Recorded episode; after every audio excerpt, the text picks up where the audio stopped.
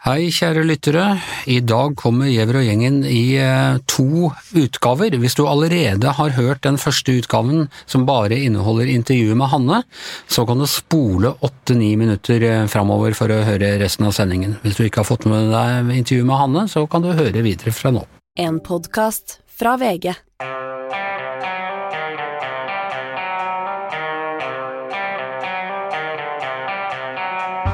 Ikke visste jeg at alle disse dagene som kom og gikk, det var selve uke 44. Og ikke bare uke 44, men en lang periode og epoke, vil jeg si, i verdens gang som går mot slutten. Hanne, for du er den store nyheten vår i dag. Ja, jeg eh, trer i dag til side som politisk redaktør i VG, og går over i en ny fri stilling som fristilt redaktør, rett og slett. Etter 15 år som politisk redaktør. Og etter hvor lenge er det du har vært i VG? 32 år. 32 år. Drøyt 32 år. Og det er litt spesiell stemning her nå. Nå har eh, vi, vi har eh, Dette er blitt, eh, ble gjort kjent for kommentaravdelingen i, i går. Og så skal det bli gjort kjent så Når dere hører dette, så er det, er, det, er det kjent, men vi sitter her rett før du skal fortelle til resten av avisen. Eh, og du har en inngang på dette, eh, en pressemelding som jeg syns er veldig fin. og Hva er det, hva, hva er det du begrunner det med? Jeg sier der eh, at jeg velger kjærligheten. Eh, min mann Gerhard, eh, som noen kanskje vet, eh, fikk diagnose Parkinson for fire år siden. Gerhard Helskog, som er godt kjent fra TV 2. Ja. Eh, og han er i ålreit form, men vi har snakket mye hjemme om at vi veit jo ikke Det er en sykdom som utvikler seg veldig ulikt, i veldig ulikt tempo. Og vi snakket mye hjemme om at vi vet ikke hvor lenge han har som frisk nok til at vi kan gjøre hyggelige ting sammen, ha det gøy sammen, eh, være kjærester. Eh, og da ble det på en måte stadig tydeligere som at det er et livsvalg, at jeg ikke vil bruke så mye energi og krefter på jobben som er gjort. Husker jeg har hatt liksom alle lag jeg har sittet i. Ledergruppe, redaktørkollegium, vært avdelingsleder for avdelingen, skrevet. Nå har jeg fått anledning til framover å bare skrive, lese, fordype meg. Jeg er veldig takknemlig overfor eh, Gard, som har gitt meg den muligheten. Og hvor lenge har dette vært eh, klart? Jeg gikk til Gard rett før sommeren og sa at jeg trengte noe forandring. Uh, og så har vi trodd og tvilt oss gjennom sommeren og høsten begge to. Vi ble enige om at uh, dette skulle ikke annonseres før etter valget.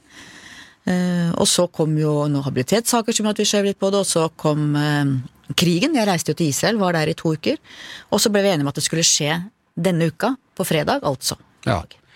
Og øh, ikke verdens beste timing sånn sett, når du står Altså, du har stått i, i mange strider, Hanne, vi har stått i noen sammen nå. Øh, og denne uka så øh, gikk øh, rapperen Magdi fra Karpe veldig hardt ut mot øh, dine øh, meninger og kommentarer i, øh, i Midtøsten-konflikten. Det ble slått stort opp i VG. Og er du sikker på at denne avgjørelsen ikke har noe med de, kontrover de kontroversene som har vært rundt det du har skrevet der? Ja, det er jeg helt sikker på, Anders. Og det, jeg kjenner meg så uh, trygg i dette valget. Som sagt, det begynte prosessen før sommeren. Eh, og så lurte vi litt på Gard og jeg, skal vi da pga. den kontroversen skyve på det? Fordi at noen kanskje kan komme til å tenke enten at nå har hun Skartveit uh, kastet inn håndkle, blir for sliten, eller at nå får hun sparken. Men så tenkte jeg at hvis Eller nå slutter hun i protest? slutter i protest, eller hva. Eller. Men nå men så kom vi til at det å liksom være, tenke taktikkeri og tull rundt det, det er liksom ikke noe vits i. Og som mannen min Gerhard sa, må bare si det som er sant, og sånn er det å gjøre det som er planlagt. Det å skulle skyve på eller vente eller på grunn av eh, at noen kritiserer meg, det blir for dumt. Så det gjorde vi ikke. Og vurderte ikke veldig lenge heller, egentlig. Og du er jo blitt kritisert før uten å slutte, og så har du også fått, fått mye ros og gullpenner og, og, og i det hele tatt. Men det er det har jo i, på din vakt, ikke bare som politisk redaktør, men som journalist, så har det skjedd enorme forandringer uh, i mediene. Først og fremst ved eh, at uh, internett kom, kom for en 30 år siden. Men også på måten aviser oppfattes på, hvordan rollene er for en stilling som politisk redaktør. Og vi ser at jeg ser Dagbladet har kutta ut kulturredaktør, var en av de liksom virkelig signalstillingene i, i den avisa. Blir det noen ny politisk redaktør i VG? Ja, det blir det. Absolutt, det er klart vi må ha politisk redaktør. Og der har også Hvem? Gard vært helt tydelig. Nå skal du høre her. Aner ikke. den prosessen er i gang, men det er klart at det er en grundig prosess som vil ta tid, og vi må finne noen som kan stå støtt i VGs stiftelseserklæring, stå støtt i vår historie, vi er hjemmefrontens avis, tradisjonene våre, sånn at eh, Men hjemmefronten og alt det der, betyr det noe nå? Altså Vi vet at en av de utfordringene vi har, og, og noe av grunnen til at det har blitt, uh, blitt uh, kalamiteter rundt det du har skrevet fra Midtøsten, er at yngre mennesker altså Før hadde du åpnet avisen, der står lederen og kommentaren på side to og tre, og så går du videre til reportasjen og sånn. Nå ser ikke unge bruker den samme forskjellen på hva som er meningsjournalistikk og hva som er eh, eh reportasjejournalistikk eh, lenger. Det, det, er mange sånne funksjoner som er blitt vanskelige. Ja, det er et dilemma, og derfor tror jeg og det er det bred enighet om på VG-huset, at vi må gjøre det skillet enda tydeligere og klarere og forklare enda bedre hva som er forskjellen. Men jeg tror når du sier betyr hjemmefront noe mer, og jeg tror Særlig i den tida vi lever i nå, så betyr de lange linjene noe, historien betyr noe. Det at VG ble stiftet rett etter andre verdenskrig, på sankthansaften 1945, av de som hadde stått opp mot nazismen, av de som hadde kjempa for frihet og demokrati. Det er, liksom, det er plattformen vi bygger på, og den skal vi ha med oss inn i tida nå. Er, jeg kan ikke huske sist det har vært så urolige tider i mitt liv, Anders. Vi vokste jo begge to opp under atomparaplyen, trusselen om atomkrig, vi var redde, men nå er alt i spill med Kina, Ukraina, Midtøsten i brann. Du har et veldig polarisert samfunn hvor vår brobyggerrolle, som også står forankra i vår stiftelseserklæring, er viktigere enn noensinne. Ja, som jeg stadig sier, Det er ikke alle som tror det, men det står i vår skriftelse at vi skal bygge bro over motsetninger. Og der har min tolkning av det gjennom alle mine år både som eh, kommentator og mine 15 år som politisk redaktør, at for å bygge bro, så må du vite veldig godt hvor du sjøl står. Og så må du vite hvor den andre som står på den andre sida av elva, eller hvor denne brua skal gå, hvor den står. Og så må du ha en kritisk dialog. Være tydelig. Den du respekterer, er den du kan være direkte og tydelig med. Så brobygging er i min verden ikke sånn uh, kumbaya-dialog, bare myk softspeak. Det er rett og slett at du er tydelig og direkte og en klar stemme inn i offentligheten, sånn at vi kan ha en meningsbrytning som er konstruktiv, respektfull, men tydelig. Men eh, tidligere så var eh, kommentaravdelingen en slags eh, stat i staten. I New York Times hadde de egen heis og egen etasje for at det ikke skulle liksom, bli smittet av eh, eh hva reportasjejournalistene drev med. Vi satt også tidligere eh, ganske godt isolert fra de andre, selv om vi selvfølgelig snakket med, med, de andre journalistene hele tiden. En av våre kollegaer kalte det for Meningsfakultetet, husker du det? Meningsfakultetet, ja. Og andre ikke fullt så smigrende, smigrende omtaler. Og nå er vi, altså på grunn av nett og måten man publiserer med, så er vi liksom eh, smeltet, smeltet sammen. Og det varsles nye, store forandringer i VG. Tror du kommentarjournalistikken vil overleve på den måten vi kjenner den? Ja, vet du, Det er jeg helt trygg på, Anders. Kommentarjournalistikken blir viktigere og viktigere. Og hvis ikke vi de redaktørstyrte mediene har gode, kunnskapsrike kommentatorer som kan delta i samfunnsdebatten, så gir vi hele rommet til sosiale medier, til influensere, til Rappere. Rappere, ikke minst! ikke sant? Sånn at eh, jeg mener at den vil bli viktigere og viktigere. Både analysere, sette ting i sammenheng, mene, delta i debatten. Og hvis det er noen gang i vår tid hvor vi virkelig har trengt å sette ting i kontekst, så er det virkelig nå. Um, vi har en greie, du og jeg, på uh, at vi gjør hverandre litt rørt. Jeg kan bli litt sånn kleint rørt. Uh. Og jeg liker det så godt, Anders! og, og, det har ofte vært når vi har sittet her i studio og skal snakke om litt sånn følsomme ting, og da med det 22. juli, men også mer sånn banale ting, og Shazia forteller en eller annen rørende historie, så kan jeg ikke se på deg fordi uh, Jeg kjenner det bare skjer nå! Da blir jeg litt sånn tykk i stemmen. Og vi måtte ta denne innledningen et par ganger for at jeg skulle få til det. Dette er jo ikke farvel, du skal jo fortsette her, og vi skal fortsatt være venner og kolleger, og det er jeg veldig glad for, men du har vært en redaktør som har stått 100% bak dine medarbeidere, og det tror jeg kanskje er det aller viktigste uh, utfordringen uh, den tradisjonelle journalistikken har i tiden fremover. Det er redaktører som backer medarbeiderne sine. Tusen takk, Anders. Det har vært en glede å få jobbe sammen med deg og alle de andre, og det skal vi fortsette med, og det er jeg så glad for. Ok, det er nesten uh, litt vanskelig å ta det inn over seg, men uh, det skjer andre ting i verden enn at Hanne Skartveit uh, skifter redaktørjobb i redaksjonen. Men Hans Petter, vi er ikke, vi er ikke helt i vater her eh, riktig ennå? Nei, det er- så rar dag. Jeg har prøvd å sette meg og skal redigere noen tekster, og jeg har noen deadlines som nærmer seg, men jeg, klar, jeg, får liksom ikke roa i kroppen. Det er en veldig eh, urolig dag, sånn eh, i, i, i blodet, rett og slett. Så at, å få samla seg her, det kan bli eh, Vi skal vel snakke om eh, kanskje noe som er nesten like viktig, så vi får prøve å samle oss. Ja. Vi får prøve å samle oss. Eh, Astrid, eh, med oss på, på link. Er du, er du i vater? Ja, ja. Nei, det syns det er kjempetrist at Hanne Skartveit, som ansatte meg en gang for eh, i krittiden, eller når det var, eh, skal slutte. Det føles både utrygt og trist. Men eh, vi får bare sala på og håpe at det går bra framover òg. Hun skal jo fortsatt være vår kollega, så det er ikke sånn at hun slutter og begynner på Begynner utenfor, som vi kaller alt annet enn å jobbe i, i VG. Ok, eh, det ble altså kjent eh, i dag at eh, Økokrim ikke skal etterforske Sindre Finnes aksjedisposisjoner i den perioden hvor hans kone Erna Solberg var statsminister. Og det var kanskje ikke noen bombe at de falt ned på det, Astrid? Nei, det var vel kanskje ikke det, for det er jo to forskjellige saker her. Den ene er Sindre Finne-saken om, om han har eh, gjort kriminelle aksjehandelkjøp. Den andre er jo Erna Solberg-saken, som er en helt annen, som handler om hennes habilitet. da. Det var interessant å høre på Økokrim-sjefen Pål Lønseth akkurat. Han eh, overordna så begrunna han det her med at de ikke vil etterforske Sinne sine aksjekjøp med at eh, Sindre Finnes har ikke gjort det særlig godt i aksjemarkedet. Han kunne kjøpt, tjent mange mange mer penger om han hadde satt eh, pengene i et fond. Ja, og så er det vel litt sånn med Økokrim at de, eh, de kan kirsebærplukke eh, hvilke saker eh, altså Mens mm, resten av politiet har litt andre typer forpliktelser til etterforskning, så kan eh, Økokrim i større grad bare eh, ta akkurat de sakene de tror de kan vinne.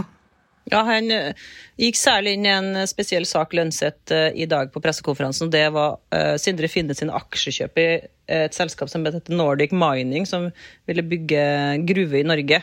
Og Der var det en sak som han ikke kunne utelukke at det kanskje kunne vært eh, innsideinformasjon, men den saken er altså så, for, så gammel at den er forelda.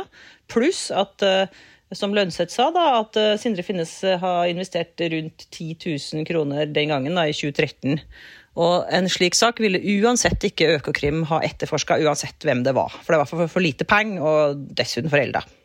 Men Hans Petter, som Astrid sier, dette er jo en habilitetssak, eh, vært det hele veien, og ikke en eh, kriminalsak. Ja, det er det, og derfor så er ikke eh, det som Astrid så riktig kaller nå, nå kaller Solberg-saken, over på noe som helst vis. Det er to egentlig litt forskjellige ting vi snakker om her. Altså, det er ingen egentlig som gått rundt og trodd at, at, at Finnes har liksom fått informasjon av Erna på noe vis, eller at han har lurt det til seg sånne ting. Eh, Og jeg syns det var veldig interessant at eh, de, de sa at, eh, at den aksjevirksomheten hans har vært såpass rotete og såpass dårlig at, at det kanskje ikke er noe som helst som tyder på at det er noe, det er noe ja, skjedd noe kriminelt. da. Men det er jo, det er jo den habilitetssaken som nå er, skal i kontroll- og konstitusjonskomiteen på tirsdag, i en sånn maratonhøring som skal vare i 12 13 timer eller noe sånt. det kommer til å bli en helt eh, voldsom seanse. og Da blir det snakk om, eh, om habiliteten. Og Erna Solberg har innrømt sjøl at hun har vært inhabil i flere saker. Eh, sånn at alvorligheten sånn, i den politiske delen av, den, av det som vi kan kalle Solberg-saken, er jo ikke borte på noe som helst vis. Nei. Eh, Men det eh, gjør det litt lettere for henne at dette ikke ble en økokrimsak? Ja, selvfølgelig. Og hun, hun sa jo sjøl også i intervjuet i den, den dagen hun ga 50-60 intervjuer, hva for den eh, berømte dagen som endte hos Fredrik Solvang, eh, at eh, hvis det ble, hvert fall hvis det ble en siktelse da, fra Økokrim, så ville det vært vanskelig for hun å fortsette som Høyre-leder. Og det var jo også noe hun sa om Anniken Huitfeldt i sin tid, at hvis det ble en siktelse der, så ville det vært vanskelig for Huitfeldt å fortsette som utenriksminister. Ja. Men da blir Erna sittende, da, og blir statsministerkandidat for Høyre ved stortingsvalget om to år. Nei, ja, altså her må vi jo bare Det vet vi jo ingenting om. Det er ingen av oss som vet noe om det. og eh, Jeg pleier å si at min utdanningsbakgrunn betyr at jeg er veldig forsiktig med å spå om hva som kommer til Du er historiker, så du ser Ja, bakover. se bakover, ikke sant. Eh, Det er lettere. Veldig mye lettere. Du tenker ikke på å studere futurologi, da, så kunne du ha gitt oss svar Nei, men du vet, eh, statsvitere og sånn, det er mye mer sånn eh, de, de har sånn prediksjoner og sånn. Ja. Nei da, men, eh, men det er klart Den saken her må jo ha vært ut, altså Uansett da hva som kommer fram i den kontroll- og konstitusjonskomiteen, så må den saken her ha vært fryktelig vanskelig for Solberg. altså Den, den har Eh, altså Det har gått inn i familien hennes. Liksom. Det må jo være en påkjenning uten like, selv for en sånn flegmatisk type som Erna. Så, uh, og, og, det, En ting til som jeg liksom har reflektert litt over de siste dagene, var at jeg, var på landsmøtet til Høyre i april, og da var Erna så stor stjerne som ingen har vært egentlig i et norsk parti siden Gro, vil jeg tro. Uh, mens da, og så har det skjedd, og hun var på toppen av høyden, ikke sant? og så bare noen noen for en sommer og noen for måneder til, så er liksom, ligger det litt i grus. da. Ja. Så det skal jo litt til å samle seg på nytt og få den krafta som skal til. For vi må ikke, huske, må ikke glemme Anders, at Erna Solberg har sittet på Stortinget og vært en toppolitiker i Norge siden 1989. Så det er jo helt jeg, Siden Arvid Engen styrte norsk politikk. jeg håper- for Erna Solbergs del at hun ikke hadde noe med Arvid Engen å gjøre. Men nei, altså det er før murens fall. ikke sant? Og hun sitter som Høyre-leder i, i, i 20 år, så, så jeg vet ikke. Det kommer an på hennes ork og hennes lyst. da. Ja. Hva tror du, Astrid? Kommer hun til å fortsette? Ja, i hvert fall ut dagen, Anders. Så jeg tror, jeg tror litt lenger enn det. Du er ikke historiker, er så du tør å spå ut dagen, du, rett og Det slett. nesten Ja, jeg er sånn, en skarve tabloidjournalist. eh, Klart aldri hovedfaget, så derfor så kan jeg spå, mens Hans Petter må sitte der med nyansene sine. Så jeg tror jeg er nok litt uh... Ut denne uka. ut uka. Nei, altså jeg tenker at nå har hun mer regien sjøl, Erna Solberg. Og med mindre det kommer noen nye skandaler, så kan hun sitte um, så lenge hun vil. Eh, hvis Høyre fortsetter å støtte henne. Det er jo ingenting som tyder på at partiet ikke støtter henne. Og velgerne går ganske bra med dem, og tross alt. Altså, det er litt nedgang på målingene, men det er en nedgang som starta allerede før valget. og Den største overraskelsen er vel kanskje at det ikke har virka enda verre. Altså, Det er jo ikke tre prosentpoeng ned i den siste målinga, det er ikke ille. De er fortsatt Norges største parti. så så hvis velgerne eh, før valget i 2025 skal begynne å sprinte bort fra Erna Solberg, så må det jo skje noe mer, noe annet. Eh, fordi det er jo så lenge til at eh, tenk at eh, hvis hun vil, så kan hun bli sittende. Men eh, det er ikke sikkert hun orker. Nei. Det er ikke sikkert, men hennes strategi så langt har vist seg relativt vellykket i, i så måte. Ja, om det bobler i mediegryta til vanlig, så fosskoker det denne uka, i hvert fall her i VG. Altså, det er jo ikke bare vi i kommentaravdelingen som har mistet en politisk redaktør, det har du også, sjefredaktør Gard Steiro. Det har jeg, eh, Anders. Det har vært en eh, spesiell dag. Um, jeg har jo i dag kunngjorde vi at uh, Hanne Skartvedt uh, vil tre til side som politisk redaktør i VG etter 15 år i stillingen. Hun har jo gitt sin begrunnelse, og det syns jeg det står stor respekt av. Uh, og dette var en prosess som har egentlig har gått noe, foregått noen måneder, så jeg har jo vært klar over dette og, og forberedt meg på denne dagen. Så det er, jo en, eh, det er jo en epoke som er over, så vil jo Hanne fortsatt være en viktig stemme i VG og skrive og være For le, leserne våre vil ikke nødvendigvis merke så stor forskjell. Hun vil fortsatt være redaktør. Ja, og hun vil fortsatt være så, så det var noen som sa at skrev i dag at det var et stort tap for VG. Hun, eh, altså, hun, hun er ikke ute av døren ennå, hun tror hun har, slik jeg kjenner Hanne, så kommer hun til å bite fra seg i mange, mange, mange år til. Men det er klart at det det det er en litt spesiell dag fordi at du skal gå mot et skifte på politisk redaktør. Og når du leter etter en politisk redaktør, så er det det er ofte de redaktørene som sitter nesten lengst i, i stillingene sine. Og det er fordi at de Vi har vel så vidt jeg i de siste 30 årene tror jeg to politiske redaktører i VG. Og, så vi må nå lete etter en person som kan fylle rollen nå, og, og Vi kaste litt ball på navn her nå. ja, Du må gjerne gjøre det. Jeg kommer til å si som jeg sier når alle andre ringer, at dette kommenterer ikke. Men jeg får hjelp av øh, Når sånne prosesser får vi hjelp av hodejegere, og så er det jo et relativt oversiktlig Det er jo relativt oversiktlig eh, på en måte marked, som det heter, men det kan jo hende at det er noen ukjente stemmer eller noen som går an å vokse inn i rollen. Alle har jo begynt et sted. Det safeste for meg nå er jo, eh, ville jo vært å ha ansatt deg eller noe sånt, og fått noe inn, noen som var trygt og etablert i korridorene. Ja, jeg føler veldig at det er min tur nå, Gard. Uh, Sto jeg over forrige gang, og nå eh, endelig.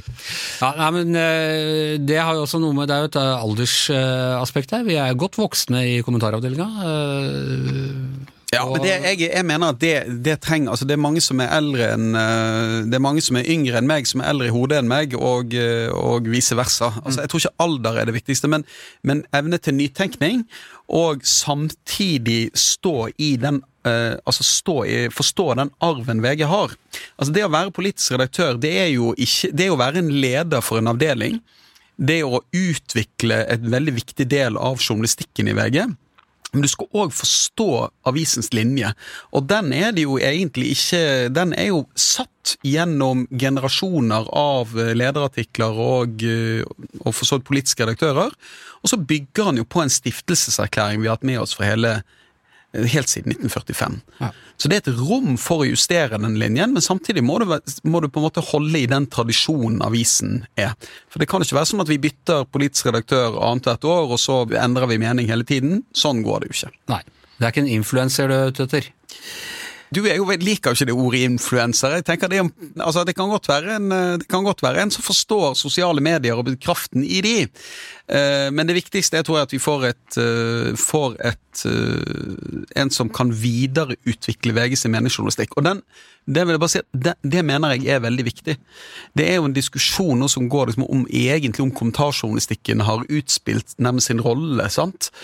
Fordi at, fordi at folk forveksler det med vanlig nyhetsjournalistikk, eller at det er mm, at dette skal man egentlig holde på med lederartikler, og skal man holde på med kommentarjournalistikk i det hele tatt? Men jeg mener det er en svært viktig del av det som, som avisens rolle i samfunnet, er å bidra til debatt, ikke bare analysere, men å legge til rette for en debatt. Og så er det blitt tøffere eh, å stå altså I gamle dager så fikk politiske redaktører av og til noen sinte brev eh, i posten, og måtte av og til også opp og svare for seg i NRK og sånne ting, men nå, nå er det tøffere å stå i den offentlige debatten.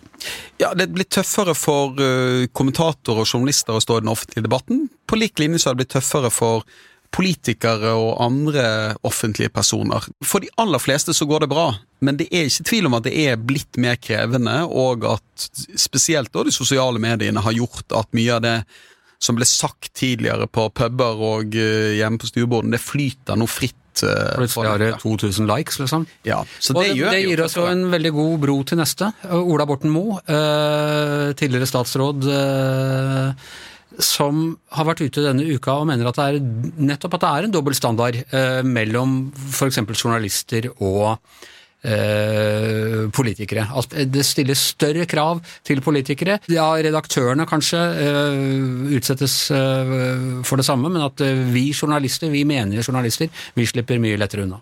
Ja, Ola Borten Moe var jo invitert til det som kalles Redaktørforeningens høstmøte. Eh, og det vil si at Jeg syns det var veldig bra at han stilte opp. Jeg, uh, jeg syns at politikere som òg har gått av, at de ikke bare trekker seg helt tilbake, men at de òg At de, de er fortsatt en del offentlighet, og at de tør å kritisere pressen. Det synes jeg er, det skal han ha stor honnør for. Det er veldig bra, syns jeg. Uh, pressen er på ingen måte ufeilbarlig, og det er bra at han har kraften til det. Har han et poeng? Eh, jeg forstår resonnementet hans, men jeg mener han tar feil. Ja. For jeg mener det han, han snakker om eh, folkevalgte og statsråder og journalister nærmest som en del av samme, av samme maktstruktur. Det som er felles, er at politiske journalister kan ha makt og innflytelse, men de er ikke folkevalgt.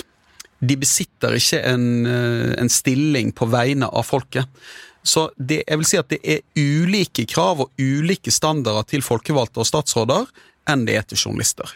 Men for Jeg har egentlig tenkt at, at det er litt omvendt. At altså Det der regelverket som vi, vi må forholde oss til i VG, god VG-skikk og, og sånn, det stiller jo strenge altså Det er ikke noe tvil om at jeg ikke kunne drive og handle aksjer, f.eks., uh, utover at jeg kan kjøpe noe sånt i, i Schibsted. Uh, Nei, på mange, på mange måter, så, og det har for, egentlig forundret meg litt, grann, at uh, spesielt dette med aksje, altså aksjekjøp og interesser, så er jo reglene i pressen veldig strenge. Uh, og de aller fleste redaksjoner jeg kjenner til, har jo nesten totalforbud mot å eie aksjer. Uh, du kan, uh, hvis du jobber i VG, så har du lov å eie aksjer i Skipsted, altså i eget selskap, og ellers er det inn, altså så er det fond du kan gå inn i.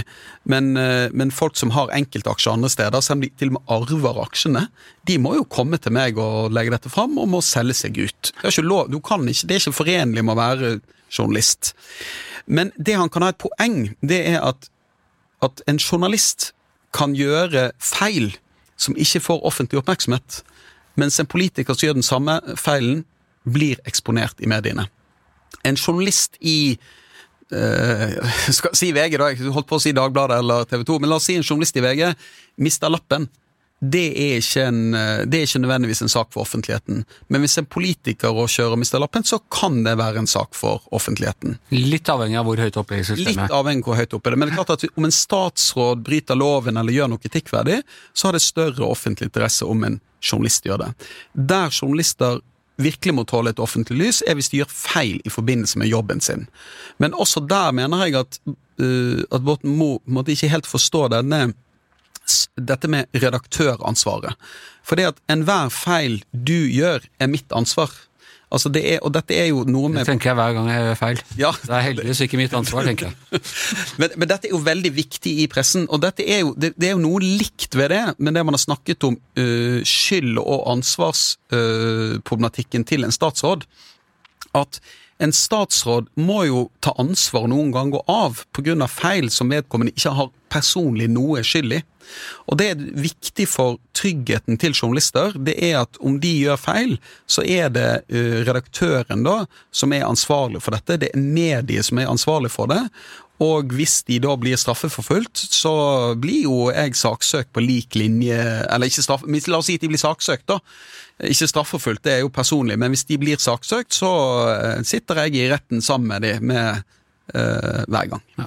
Du leste bare gjengivelse av dette Borten Moe har sagt, og han sier at han føler seg urettferdig behandlet og sånn. Men det er jo også noe, og det tror jeg alle som uh, er utsatt for negativ oppmerksomhet i pressen, det er jo først da man ser hvor omtrentlig ting av og, uh, av og til er. Man blir veldig, Dette har jeg merka selv hvis jeg, hvis jeg, har fått, har fått noen kilevinker opp igjennom. Du blir veldig, veldig nøye på at ja, men det var ikke akkurat sånn, og det var ikke helt riktig, og mens man man, eh, mens man ellers er liksom litt uh, large på hvordan eh, pressen omtaler tingene. Ja, jeg oppfatter dette som ganske gjennomtenkt, og jeg tror òg han ga uttrykk for noe som han har tenkt på lenge. Han snakket ikke nødvendigvis for, bare om sin egen sak, han snakket jo om en bekymring han hadde for politikere generelt. At det, altså den, når de blir ganske sånn med lupe som de kan bli gjort, så vil det være vanskelig for en del mennesker å ta på seg politiske verv fordi at de ikke tar eh, belastningen ved det. Og Han pekte jo særlig på at hvis det begynner å de opplever denne lupen å rettes mot familien deres og slektninger og venner, så vil politikken bli politikken blir enda fattigere. Og Der syns jeg han har et poeng, at, men det er òg noe med altså, hva, eh, det, hva, slags type politikere ønsker vi? Men han sa jo også at han følte opplevde seg selv som uh, urettferdig behandlet? Eh, ja, men jeg opplevde eh, Altså, jeg, jeg vil ikke Jeg vil iallfall ikke redusere det til det. Det var et mer helhetlig blikk på det, vil jeg si. Men at han blir detaljfokusert, det gjelder alle som blir utsatt for kritisk journalistikk. Og det skal vi ta på dypt alvor. Fordi at når du, blir ut, når du står i en krise, og dette for mange som blir utsatt for kritisk journalistikk, så er det en dyp, dyp krise. Uh, og vi som jobber i pressen, vi, vi, hvis det er noen små feil i dette, så kan vi si ja, men er det så nøye? altså Du må se stort på det. Det er umulig å gjøre hvis du står i, hvis du blir utsatt for kritisk journalistikk. Og det jeg opplevd sjøl, hvor grenseløst jeg kan bli irritert, irritert jeg kan bli når, jeg, når det er omtale av VG, eller om, ja, når det er omtale av VG, og det er en liten feil! Da kan jeg bli utrolig hissig på det. Mens jeg ville jo, hvis det, hvis det gjelder et annet medium, så vil jo jeg se litt stort på det. Men dette må vi forstå at når det er mye som står på spill, så kan selv en liten detalj være veldig viktig for den som eh, blir omtalt. Og det, det, skal, vi, det skal, vi, ta på alvor også. Du, en uh, annen litt artig Jeg testa den på, på, de andre i gjengen tidligere denne uka. Har du sett Makta? Jeg har sett uh, Makta. Ja. Eh, og der dukker den altså opp, denne merkelige eh, Engen-saken. Arvid Engen, møbelhandleren på Jessheim, som satt og eh, bare menig ukjent medlem av Arbeiderpartiet, men han satt og tok opp telefonsamtaler med Relf Steen og andre topper i Arbeiderpartiet. Og med, i hvert fall med godkjenning fra Relf Steen, så spilte han av disse båndene for politiske journalister, bl.a. i VG gjennom eh, 70- og 80-tallet. Eh, hvis jeg hadde kommet til deg i dag og sagt jeg har en rekke lydopptak her av eh, Jonas Gahr Støre som sitter og snakker eh, dritt om Tonje Brenna. Det er full krise innad i Arbeiderpartiet, de ljuger når de sier at de står samlet. Hvordan ville du ha behandlet det journalistiske våre dager? Ja, altså, jeg hadde jo helt for, fortrengt denne Arvid Engen-historien. Den er jo så vill. Det, øh, det, altså det, det ville vært et utrolig dilemma.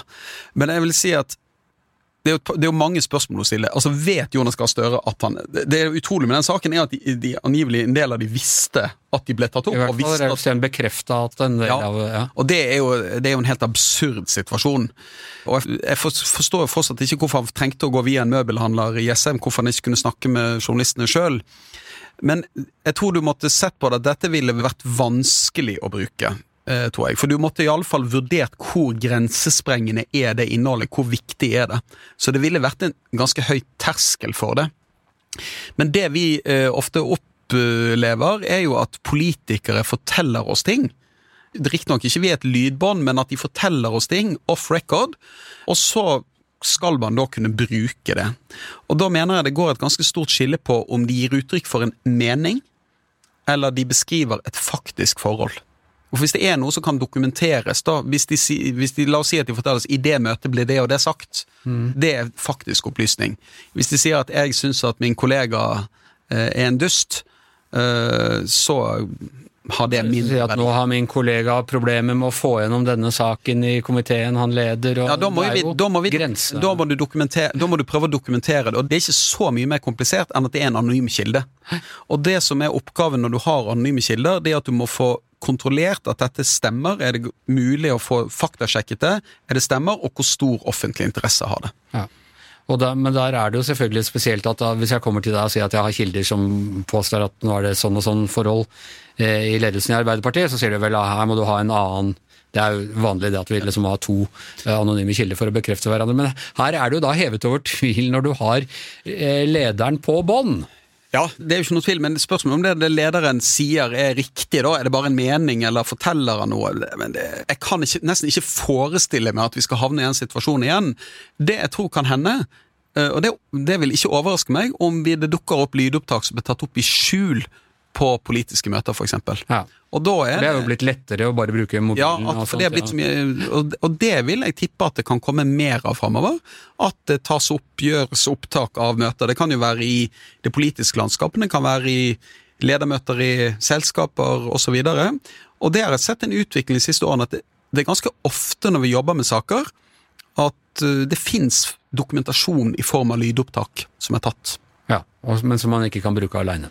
Nei, og jeg har, har ofte den tanken når jeg er i møter, eller møter mennesker, at uh, jeg må ta høyde for at det, alt jeg sier nå blir tatt opp. Eller at det, det jeg sier i ethvert møte må jeg kunne si offentlig. Mm. Og samtidig så har du alt det. Du har e-post, du har eh, eh, tekstmeldinger, du har Facebook-meldinger, du har det er, eh, det er mange Man legger etter seg mange flere spor enn man gjorde tidligere. Ja, Det har jo gjort journalistikken på mange måter lettere, for det, det er mye mer transparent, det er mye mer lettere å dokumentere ting.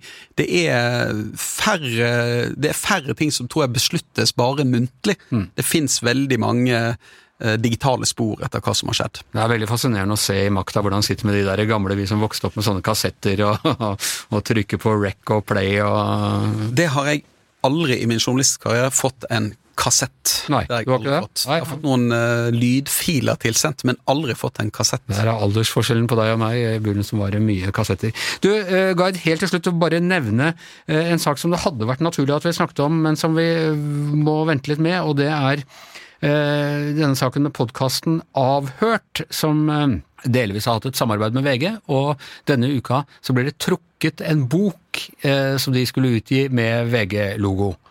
Ja. Hvorfor kan vi ikke snakke om den? er vel egentlig... Nei, vi kan jo for så vidt eh, snakke om det, men det de har, de har så vidt jeg har forstått, så har de sagt at her eh, vurderer de et søksmål mot VG, og da syns jeg det er litt uryddig å, eh, å, å diskutere dette eh, offentlig. Da får vi ta en samtale med de, mener iallfall eh, direkte, i stedet for å kommentere det offentlig. Men dette, jeg mener at dette ikke er så uvanlig at bøker blir trukket, fordi ting endrer seg. Og sånn som jeg har forstått denne saken, så handler det annet om at den boken man planla å utgi, som den Altså, det har skjedd så mye under den prosessen, både med fordi podkasten Avhørt har skrevet og omtalt en del andre saker, og de har kommet navn i debatter, at hvis man skulle gitt ut den boken, så måtte man skrive en litt annen type bok. Mm. Og at det har man vurdert at det er ikke hva skal jeg si, formålstjenlig å gå videre. Det er jo for en helt annen prosess, da. det er en helt annen diskusjon om man skal gi ut en mer kan du si, kritisk bok enn en mer sånn refererende bok om hva man har gjort med Men vi har rett og slett vårt eget bokforlag? Vi har et lite forlag i VG.